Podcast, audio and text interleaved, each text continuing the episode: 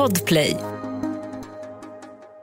Innan vi börjar så vill vi berätta för dig att hela säsongen finns att lyssna på helt gratis på podplay.se eller i podplay-appen.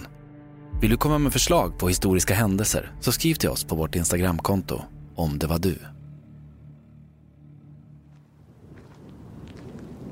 Du lämnar baracken där en genomgång just hållits. Du och två till har fått ert livs viktigaste uppdrag. Du tar ett djupt andetag och sluter dina ögon. Du visualiserar din familj och tänker att allt kommer att bli bra. Staten har ju nu lovat att ta hand om dem om något skulle gå fel. Luften är varm och du känner den där doften av blommor som våren alltid bjuder på. Du kliver in i bilen som ska ta dig och dina två kollegor till den plats där allt nu står på spel. En plats där det just nu sker något som aldrig har skett tidigare på jorden. En reaktion med förödande konsekvenser. För blotta ögat så ser man det inte. Men ni vet att det som sker där just nu dödar allt i sin väg. Du tittar ut genom fönstret och blickar bort mot ett torn av rök som letar sig upp mot himlen. Strax anländer du till ett brinnande Tjernobyl.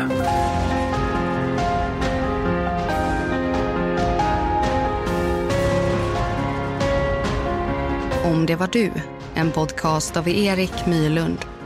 Manus är baserad på faktiska och tidsenliga detaljer samt vittnesberättelser, men fiktiv i den bemärkelse att du själv blir huvudperson i en av historiens mest omskakande händelser. Syftet med detta sätt att berätta på är att komma nära det ofattbara och försöka sätta sig in i det mörker som våra medmänniskor har fått uppleva genom historien. Men framför allt, att aldrig glömma deras öde.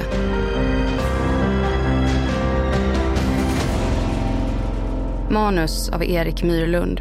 Originalmusik och ljudläggning av Kristoffer Folin. Du sitter i ditt vardagsrum i soffan och tittar på nyheterna som de senaste dagarna endast har handlat om en sak. Tjernobyl. Allt är under kontroll, säger de.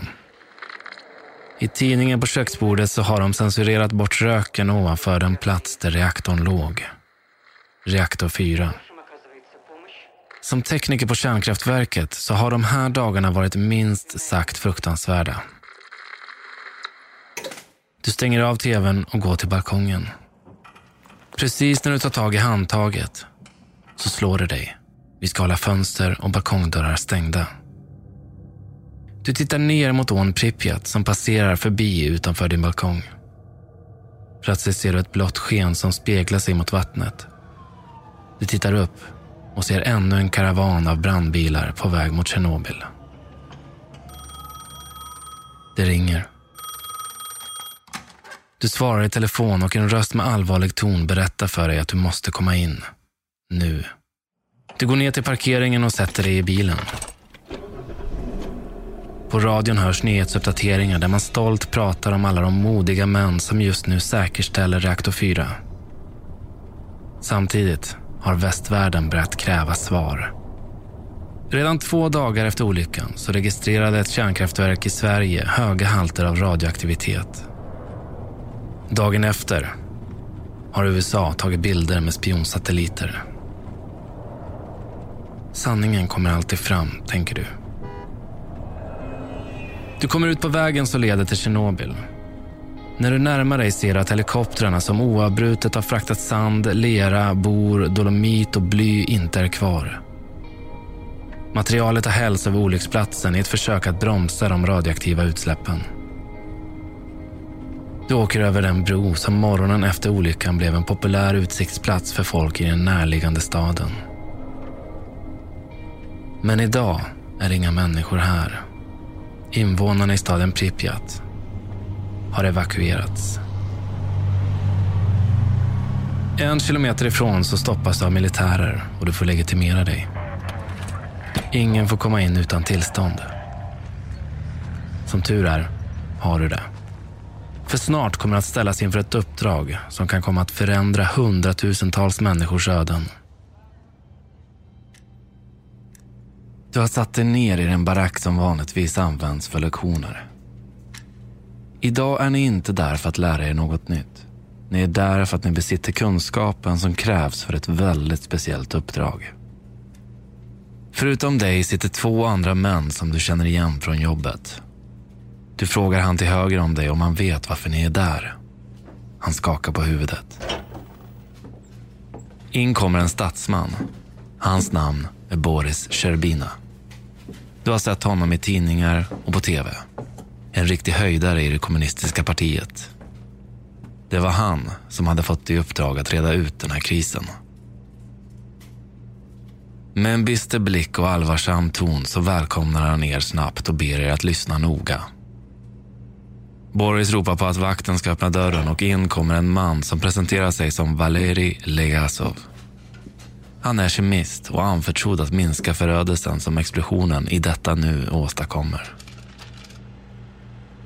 De kommande tio minuterna får du veta att det material som helikoptrarna hällt över reaktor 4 förvandlats till en lavaliknande massa som nu smälter sig igenom underlaget den vilar på. Smälter sig massan tillräckligt långt ner så kommer den till slut nå det vatten som befinner sig tre meter under marken. Skulle det ske skulle de miljoner liter vatten som ligger där under i tanken förångas på bara någon sekund. Vilket i sin tur skulle leda till en explosion så stor att hela östra Europa skulle bli obeboelig. Brandmännen har redan pumpat ut en del av vattnet men det behövs tre personer med stor kunskap om området som gör den sista ansträngningen för att lyckas förhindra ännu en katastrof. Och eftersom det är ditt jobb och du besitter kunskapen så är det du som ska lösa det.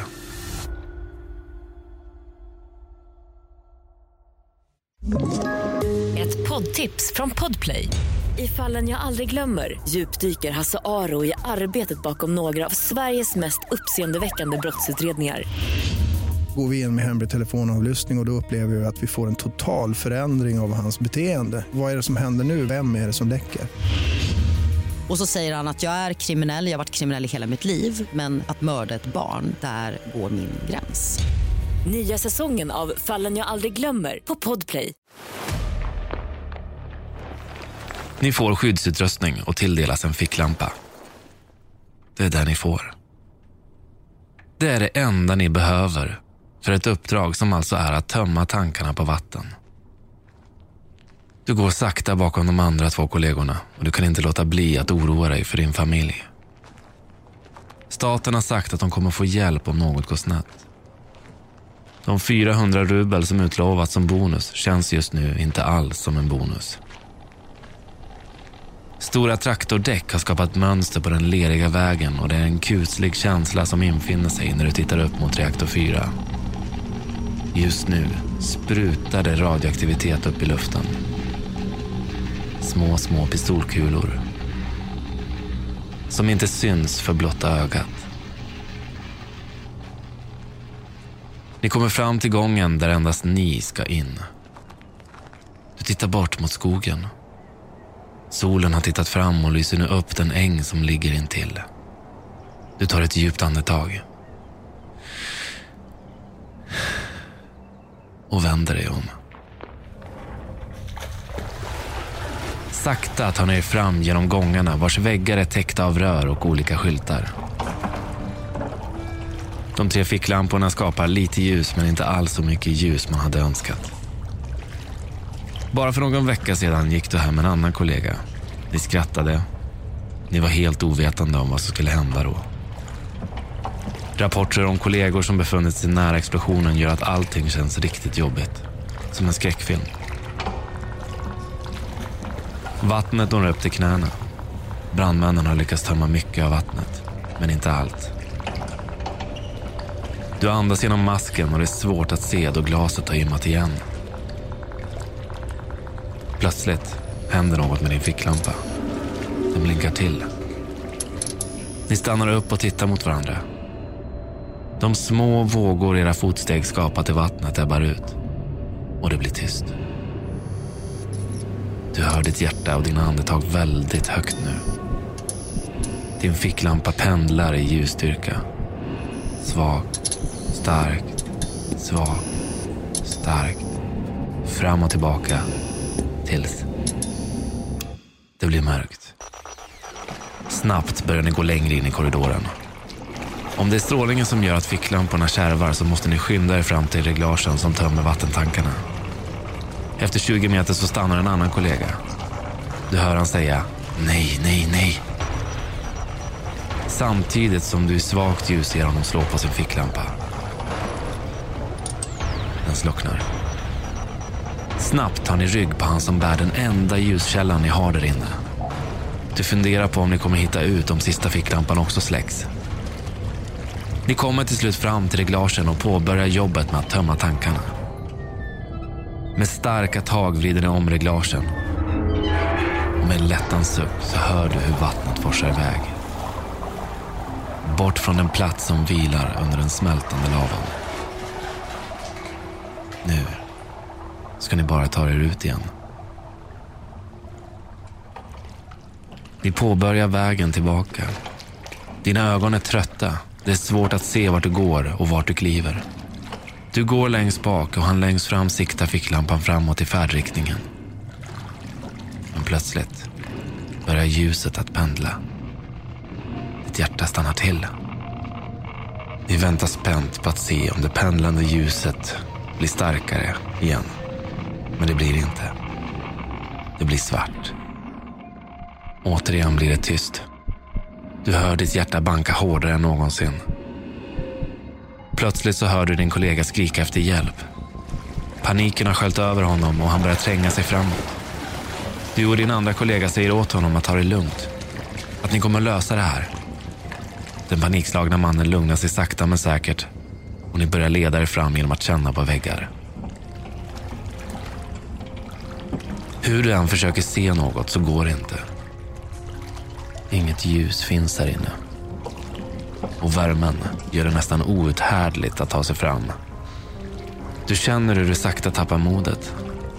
Hoppet som redan innan vilade på en skör tråd är nu nästan helt borta. Medan du sakta tar dig framåt så försvinner du iväg i tankarna. Du ser din familj stå och vänta på dig. Men du kommer inte komma hem. Det kommer vara någon som kommer dit och lämnar ett besked om att du inte klarat dig. Ja, om de ens åker dit. De kommer nog ringa, om ens det. De kanske inte ens får besked om att du är död. Nej, det här får inte ske, tänker du. Jag ska hem. Jag ska hem om jag så ska krypa mig ur detta helveteshål. Du känner hur du andas snabbare nu. Och du säger åt de andra att skynda på. Ni vandrar vidare. Men borde ni inte vara framme nu? Med så många korridorer och tunnlar så är det lätt att gå vilse här även när man ser. Stopp, säger kollegan längst fram. Det tar stopp här. Du går fram och känner en vägg som hindrar er att fortsätta framåt. Men, tänker du, det ska väl inte vara en vägg här? Den extrema situationen har gjort att ni är vilse. Är det här en återvändsgränd? Du börjar febrilt leta med dina händer mot cementväggarna. Du drar dina händer åt vänster och kommer åt ett hörn. Men där fortsätter väggen. Du letar dig tillbaka sakta för att inte bli ännu mer disorienterad. Så du inte tappar bort hållet ni kom ifrån.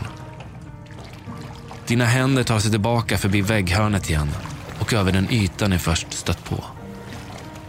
Förbi det högra hörnet och där känner du en öppning. Snabbt så tillkallar du dina kollegor och ni tar er igenom den dörr som leder korridoren vidare. En vanlig dag hade ni kommit ihåg den här svängen. Men idag är det inte en vanlig dag. Du tar täten och ni går med beslutsamma steg framåt. Och efter bara några minuter så ser du plötsligt din hand mot väggen.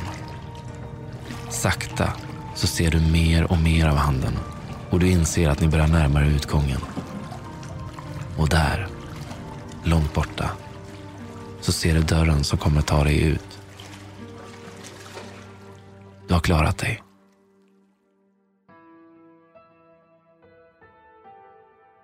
Det här avsnittet baseras på de tre teknikerna som utförde uppdraget att tömma den vattentank som befann sig under den glödande lavan. Boris Baronov dog 2005 av en hjärtattack. Men både Valerij Bespalov och Alexej Ananenko lever fortfarande.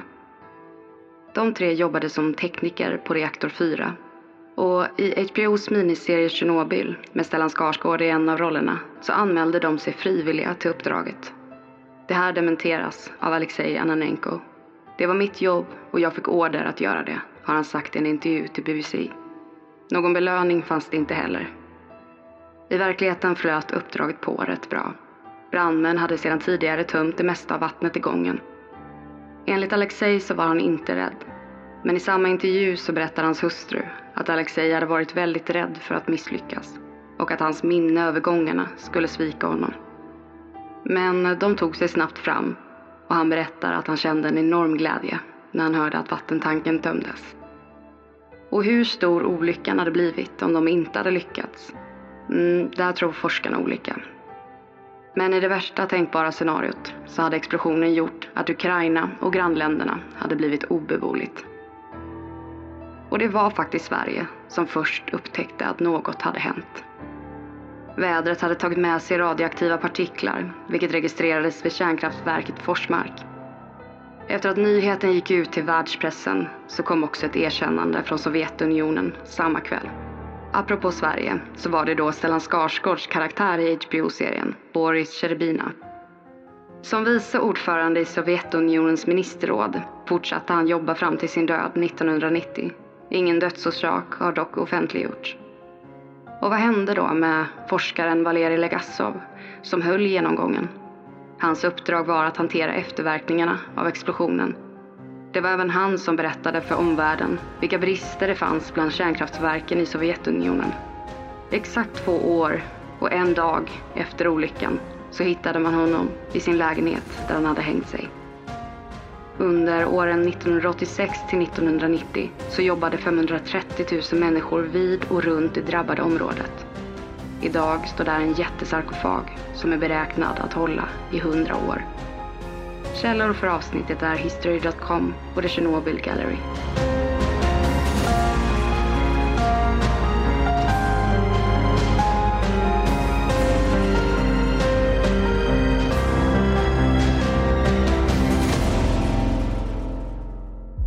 Nästa avsnitt handlar om det passagerarflygplan som den 14 augusti 2005 flög in över grekiskt territorium. Efter att kontrolltornen inte fått någon kontakt så flög två stridsflygplan upp för att kontrollera vad som hänt. Piloterna kunde då se att alla i flygplanet låg avsvimmade. Alla utom en. Du. Kan du inte vänta till nästa vecka så kan du lyssna på avsnittet gratis redan nu inne på podplay.se eller i podplay-appen. Podplay, en del av Ett poddtips från Podplay. I podden Något Kaiko garanterar östgötarna Brutti och jag, Davva, dig en stor dos skratt. Där följer jag pladask för köttätandet igen. Man är lite som en jävla vampyr. Man har fått lite blodsmak och då måste man ha mer. Udda spaningar, fängslande anekdoter och en och annan arg rant. Jag måste ha mitt kaffe på morgonen för annars är jag ingen trevlig människa. Då är du ingen trevlig människa, punkt. Något Kaiko, hör du på Podplay. Därför är gardinerna.